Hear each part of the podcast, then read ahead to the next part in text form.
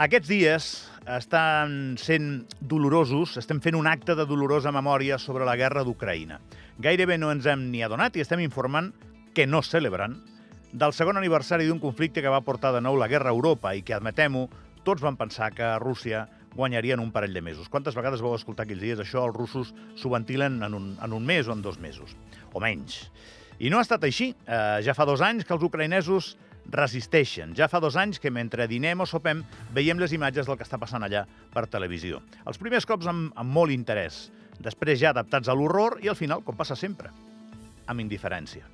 A més, en el nostre dia a dia de burgesos acomodats no tenim lloc per més d'un drama d'aquestes característiques i a dia d'avui les imatges que ens arriben des de Gaza no deixen espai pel que passa a Ucraïna. Sé que sona molt dur, però crec que és veritat.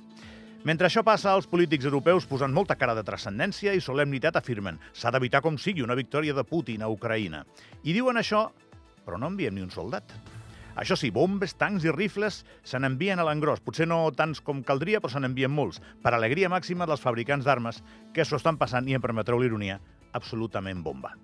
Dos anys de guerra a Ucraïna i una reflexió final. Aquí a Andorra tenim 200 refugiats ucraïnesos 200 o 300 refugiats ucraïnesos en situació provisional, prorrogada. I encara de tant en tant surt algun que creu que això no és problema nostre i que vigilem amb la solidaritat no fos cas que ens passéssim i afectéssim el nostre ecosistema tranquil. Eh? Sabeu quants refugiats tenen a Polònia? 10 milions.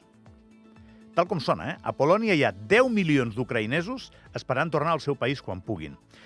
Intervenir com hem fet aquí a Andorra, acollint i abrigant aquestes persones i no posar-nos de perfil davant de situacions així em fa pensar que els passos que Andorra ha fet com a país també van en la direcció d'assumir un paper, el nostre, petit però ferm, en el món.